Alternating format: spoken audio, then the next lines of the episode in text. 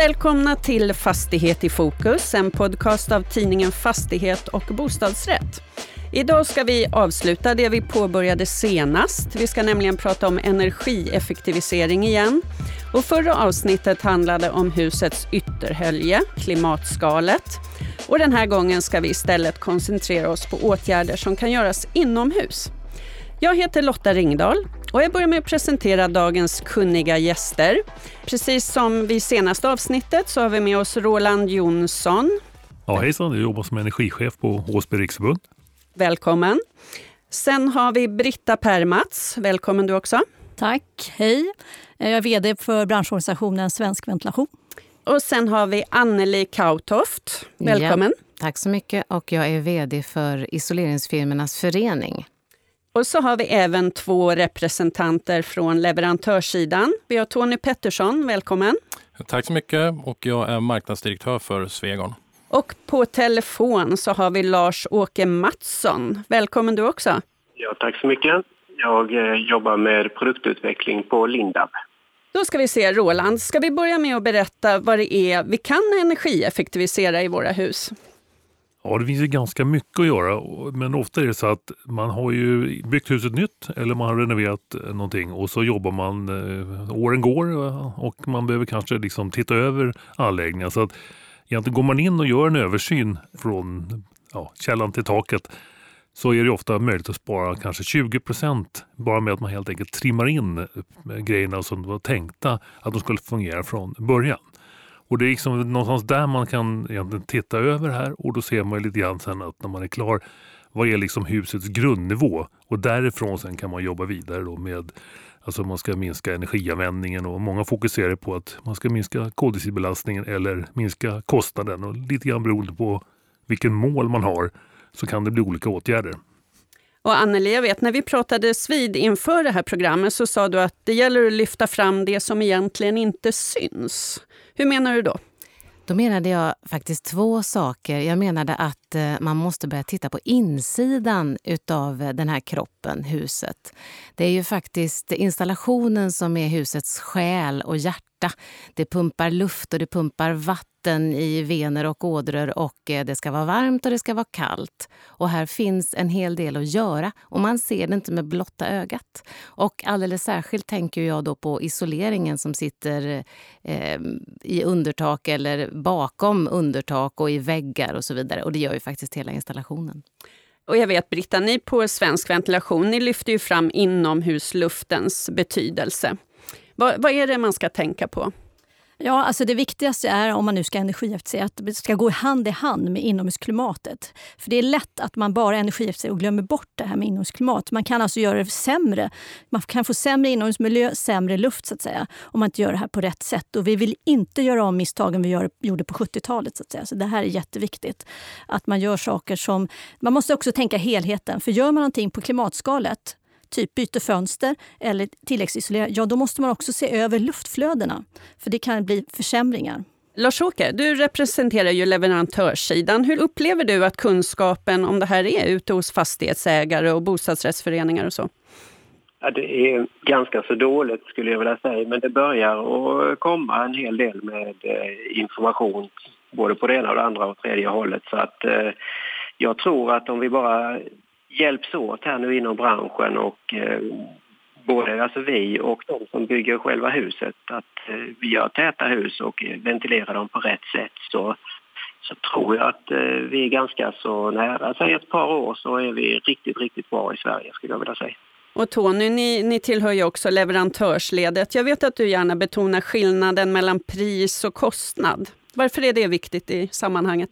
Jag vill spela lite grann på det som Roland var inne på också, det vill säga att man måste ju sköta sina anläggningar för att det är ju ganska naturligt idag att man lämnar in bilen på service och det är ju samma sak med en ventilationsanläggning då som, som vi då, då naturligtvis vurmar för.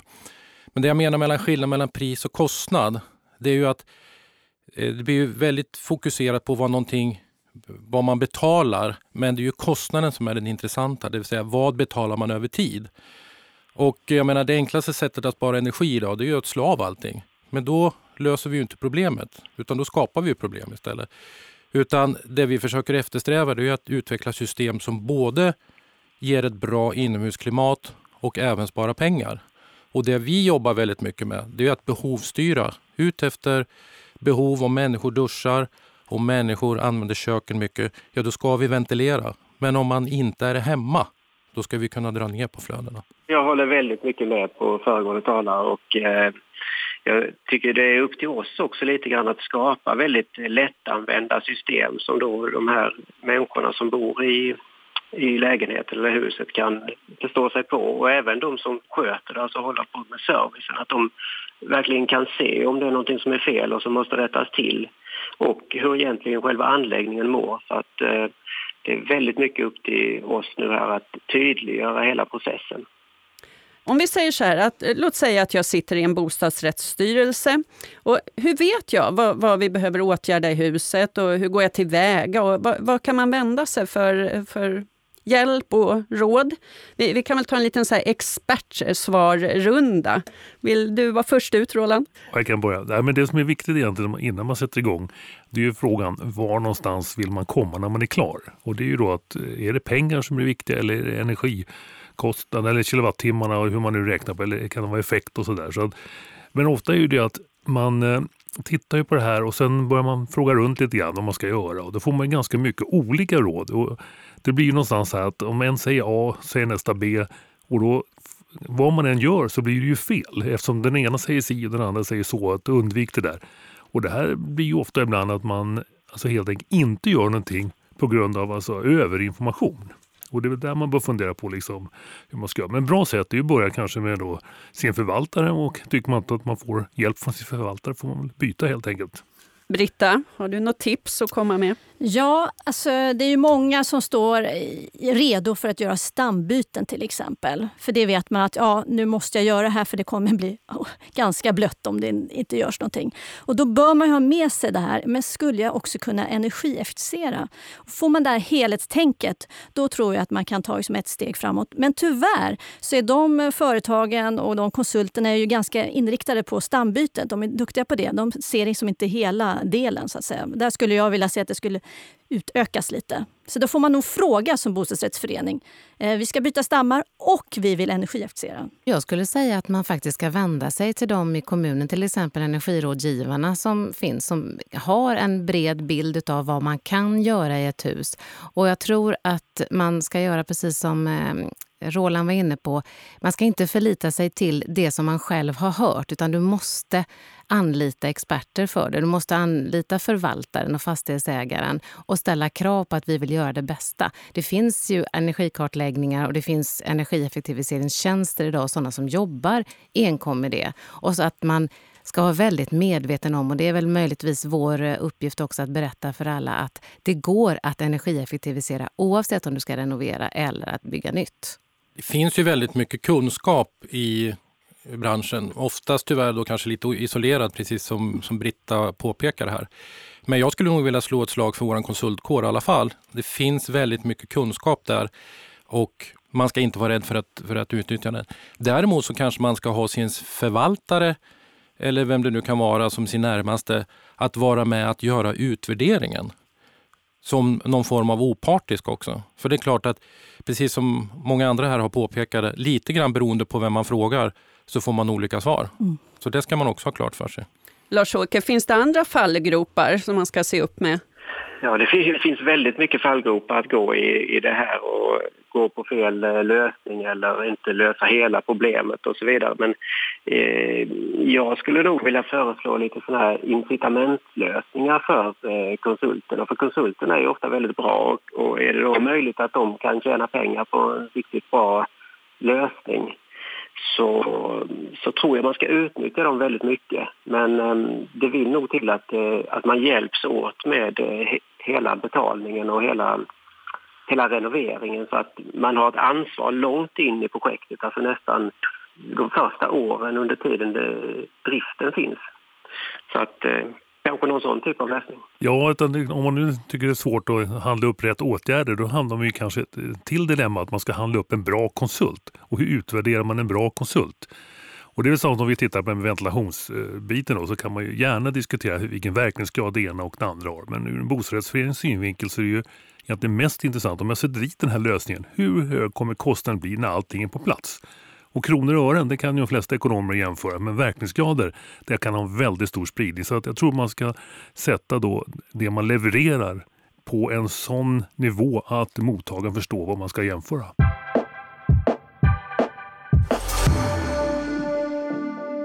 Ni på HSP har ju ett spännande projekt som heter Ett hus, fem möjligheter.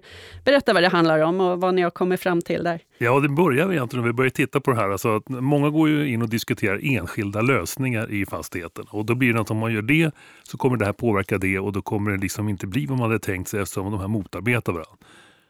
Och då gjorde vi så att vi gjorde ett projekt där, med stöd av Energimyndigheten då, där vi tog ett befintligt miljonprogramshus och så gjorde vi fem åtgärdspaket utav det här. Ena var ju att vi rev och byggde nytt och då kan man ju tycka att det där var ju helt konstigt. Vem gör det? Nej, men sköter man inte om grejerna så kan det vara så att man måste liksom riva till slut.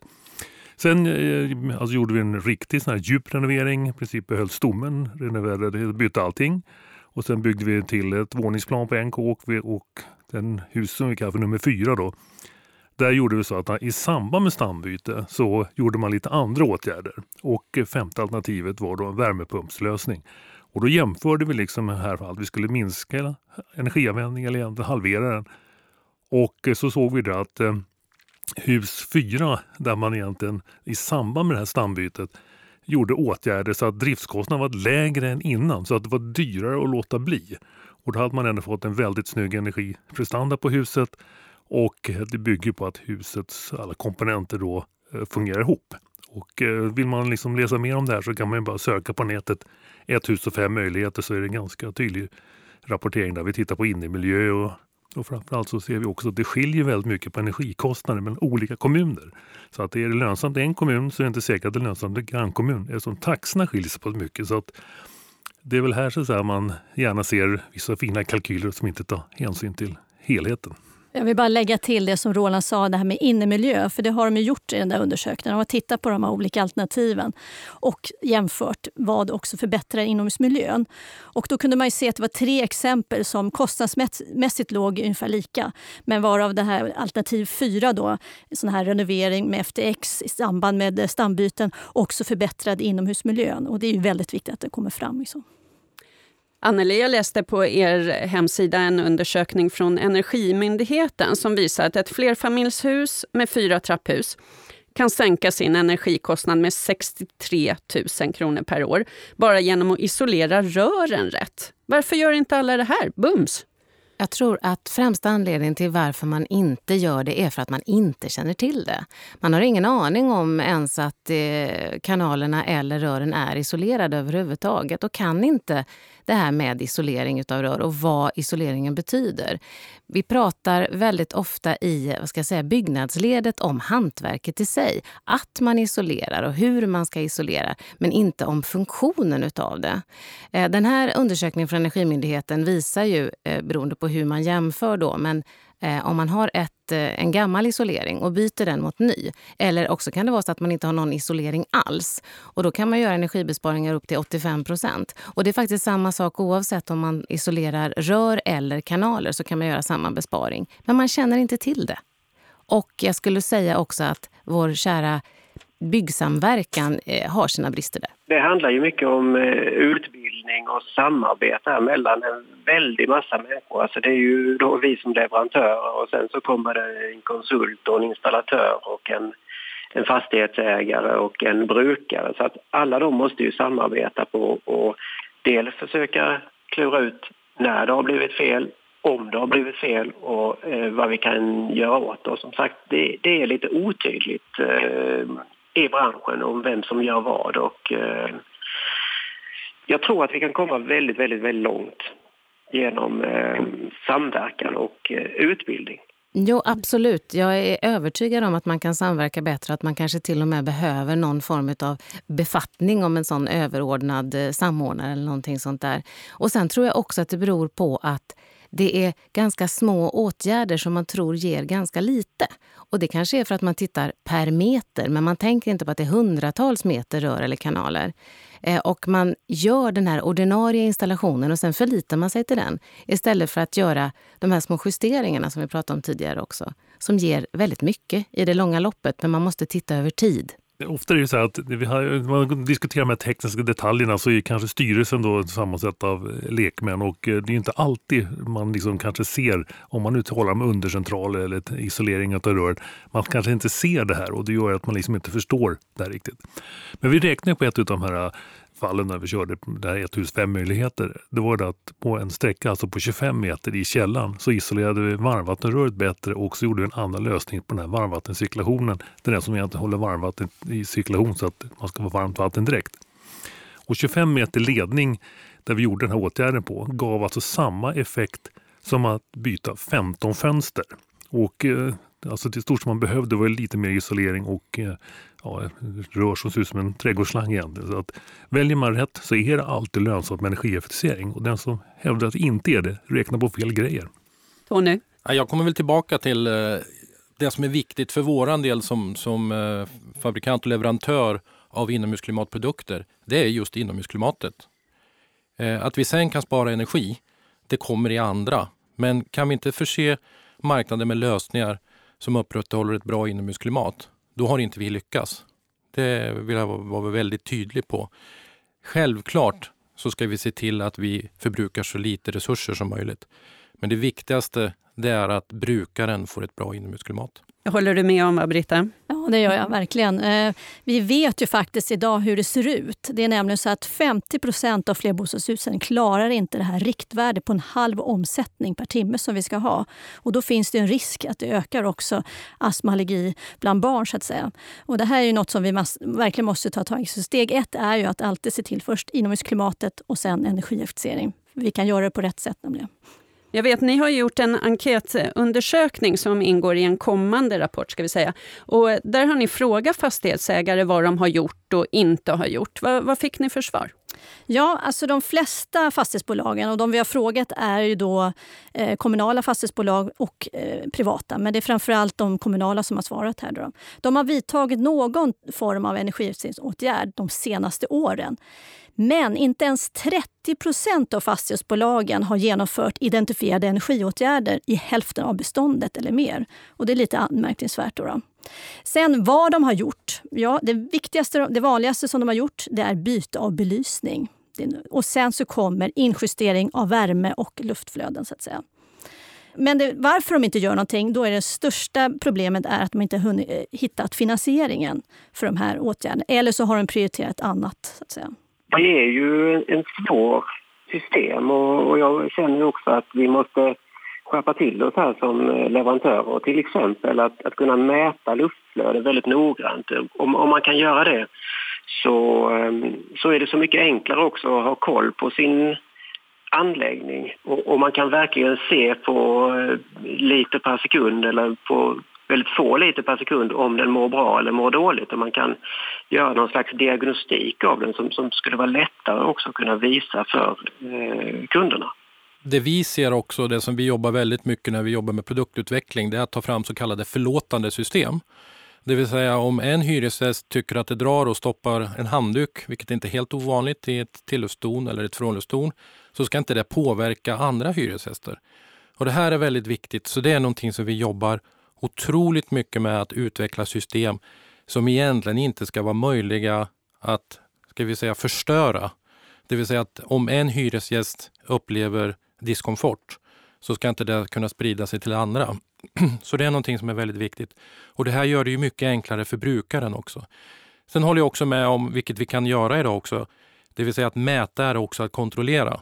Det vill säga när vi får eh, felrapporter och liknande, då kan vi gå in och undersöka vad, vad, vad är det faktiskt som har hänt. Och det är någonting som jag eh, tycker är otroligt viktigt. Det här med att det ska vara lätt att göra rätt det ska vara lätt att göra rätt ifrån början så att man inte får de här felaktiga flödena eller eh, felaktiga temperaturerna. Därför att det kan ju vara ett irritationsmoment att man inte får varmt eller kallt vatten. Men det finns ju en hälsorisk också i att ha för varmt kallvatten eller för kallt varmvatten. kan man faktiskt få legionella och eh, det vill man inte ha. Men när man märker att det är felaktig temperatur på vattnet då är det ju oftast ganska så stora ingrepp att göra.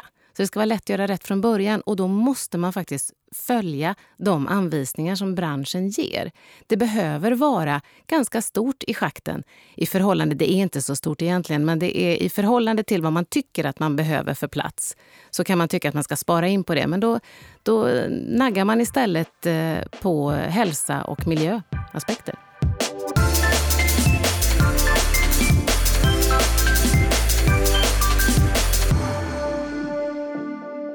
Jag tänkte att vi skulle ta en önskerunda också. Jag vet att eh, både Britta och Anneli, ni skrev nyligen under en debattartikel där ni tillsammans med andra uppmanar till tuffare energieffektiviseringsmål. Vad handlar det om, Britta? Ja, alltså nu ska ju politikerna ta ett beslut här och det är Energikommissionen som vi har riktat oss till. Då, att vi vill ha tuffare mål när det gäller energieffektivisering. Och då handlar det också för vår del om eh, fastigheter, så att säga, att vi får ner energianvändningen. Och det kommer ju ursprungligen från EU, men nu ska ju eh, Sverige sätta de här målen. Och då vill vi att det ska vara så tufft som möjligt, för att det gynnar ju vår också exportindustri. Och vi har ju nog två stycken med oss här också. För då har vi också möjlighet att kunna hitta de här lösningarna och exportera det. Det tror vi är bra för, för Sverige och för vår export. Det är mål som vi kan nå. Vi når dem redan idag och därför så måste man, måste man stretcha målen. Eh, och eh, vi vet också att byggsektorn står för en stor del av energianvändningen. Och vi vet ju att det går att göra bättre utan att egentligen behöva förhäva sig så mycket. Roland, har du något på önskelistan?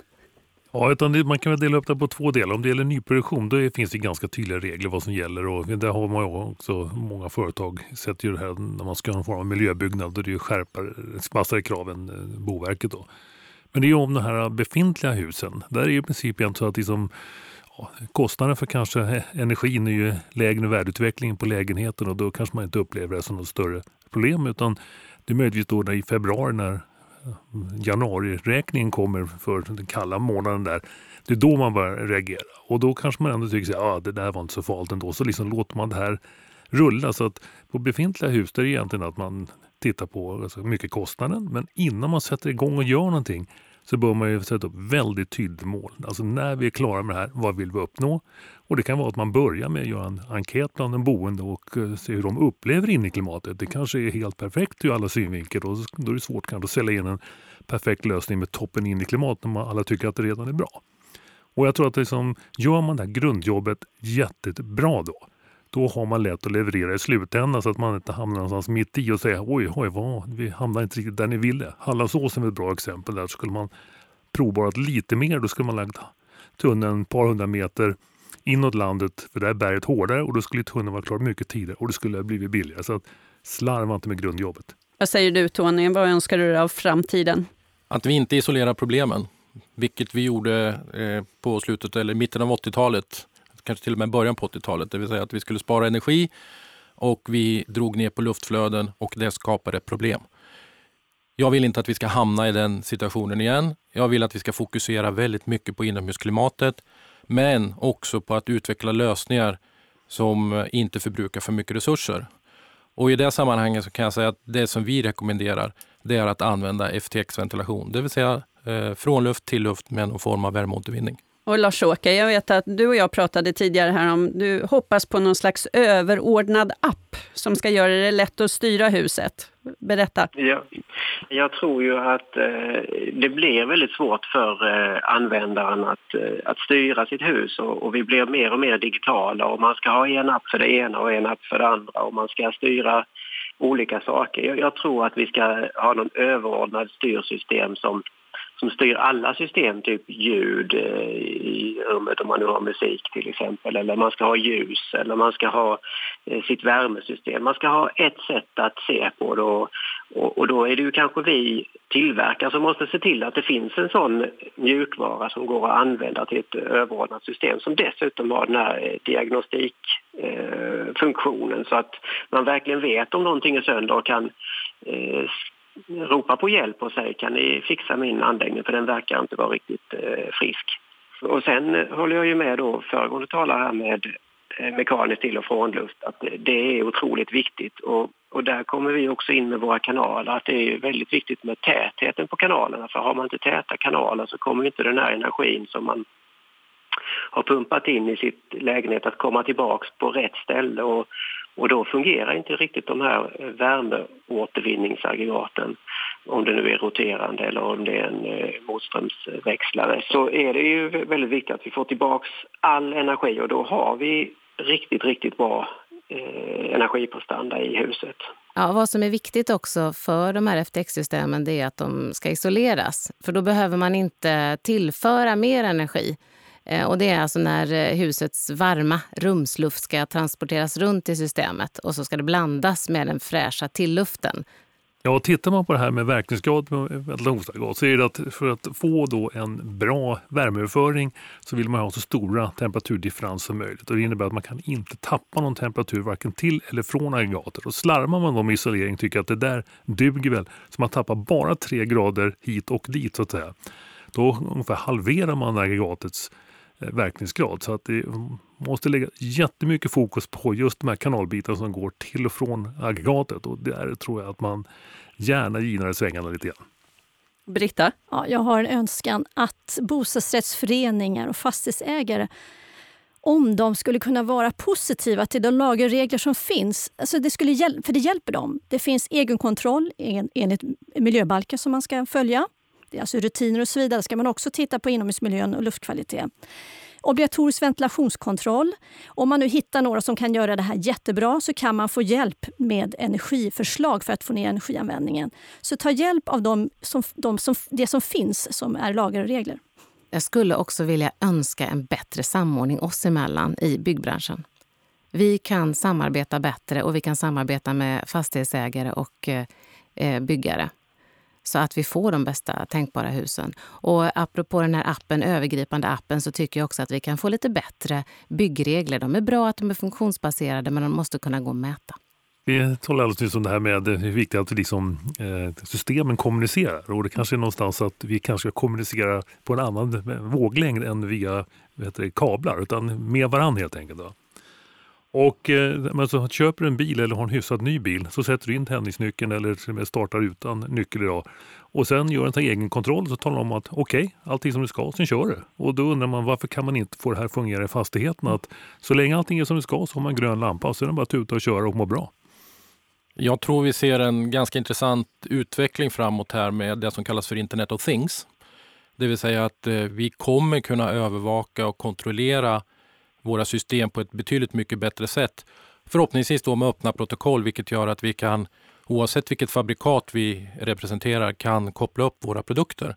Det tror jag är väldigt viktigt och eh, jag tror inom ett antal år så kommer vi se ett antal nya aktörer på det här området också. Det kan vi nog vara ganska säkra på. Vad tror du om det Lars-Åke?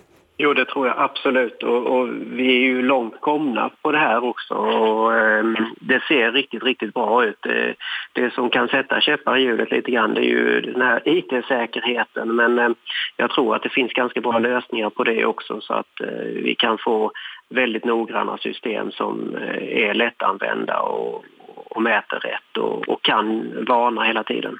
Ja, vi följer det här med prisutvecklingen eh, via någonting som vi kallar för Nils Holgerssons underbara resa över fjärrvärme Sverige. Där vi flyttar alltså en energianvändning runt alla Sveriges kommuner. Och det vi har sett nu sista tiden här är att det sker ju en väldigt kraftig prisförändring mot effekt. Både elnätssidan, det har varit alltså vissa leverantörer de har höjt alltså effektkomponenterna med 25 procent på 18 månader. Och fjärrvärmen så skruvar sina taxor då så att effekten blir väldigt dyr. Så att Gör man någonting nu framöver så bör man också lägga in frågan här, hur kommer det ske med effekten? Och då är en FTX-lösning bra om man gör på rätt sätt när det blir riktigt kallt. Så kan vi liksom få det här att det blir de här smutsigaste kilowattimmarna som är de dyraste gör det att många åtgärder blir verkligen intressanta att göra. Britta? Ja, med den här moderna tekniken som redan finns och kommer utvecklas med Internet of Things och övervakning, då kommer vi lösa det här som är det svåraste idag, att sköta om våra anläggningar. För det är det vi ser. Alla förstår det här med bil, att man ska lämna in den på service. Men när man har installationer, det glöms tyvärr bort. Och då är det ju jättebra hjälpmedel, det nya som kommer och det som redan finns. Men att man som sköter om sina anläggningar. Hur snart tror ni att det systemet är här? Det finns redan. Vi kommer börja rulla ut det första här i början på nästa år eh, där vi jobbar med en helt ny typ av teknologi. Och det här kommer, jag ska inte säga att det kommer explodera, men det kommer nog inte komma eh, så många, eller många kommer komma efter i vågen kan man säga. Och jag menar, det, finns, det måste ju finnas någon anledning varför Google betalar ett antal miljarder för att köpa upp företaget Nest som i, i princip tillverkar trådlösa givare. Varför gör man det? Jo, för man ser ju att det här är en intressant bransch att ta sig in på. Jag tror att vi alla måste lära oss att tänka nytt. Vi tänker väldigt konservativt ibland och eh, det gäller att eh, hänga på nu när det händer en massa saker. Ja, men vi på HSB så kan man ju också fundera lite grann det här med att alltså, oavsett vilka fina system du sätter dit så fungerar de här systemen aldrig bättre än den som sköter den. Och det innebär alltså att det krävs ju väldigt också mycket utbildning av de som jobbar med det här så att de här fina grejerna får den vård och skötsel de behöver för att fungera bra i lång tid framöver. Så att utbildning är en jätteviktig faktor i det här läget. Ja, då tackar jag alla våra gäster för idag. Britta, Anneli, Roland och Tony som har varit med här i studion och Lars-Åke som har varit med på telefon. Tusen tack till er allihop. Och stort tack naturligtvis även till er som har lyssnat. Vill ni ha mer information om ventilation, isolering och energieffektivisering eller komma i kontakt med någon av dagens gäster? Ja, då hittar ni precis som vanligt all info på hemsidan fastighet och bostadsrätt.com. Och kanske är ni nyfikna på hur vi ser ut? Då kikar ni in på vårt Instagramkonto. Tack och hej, vi hörs snart igen.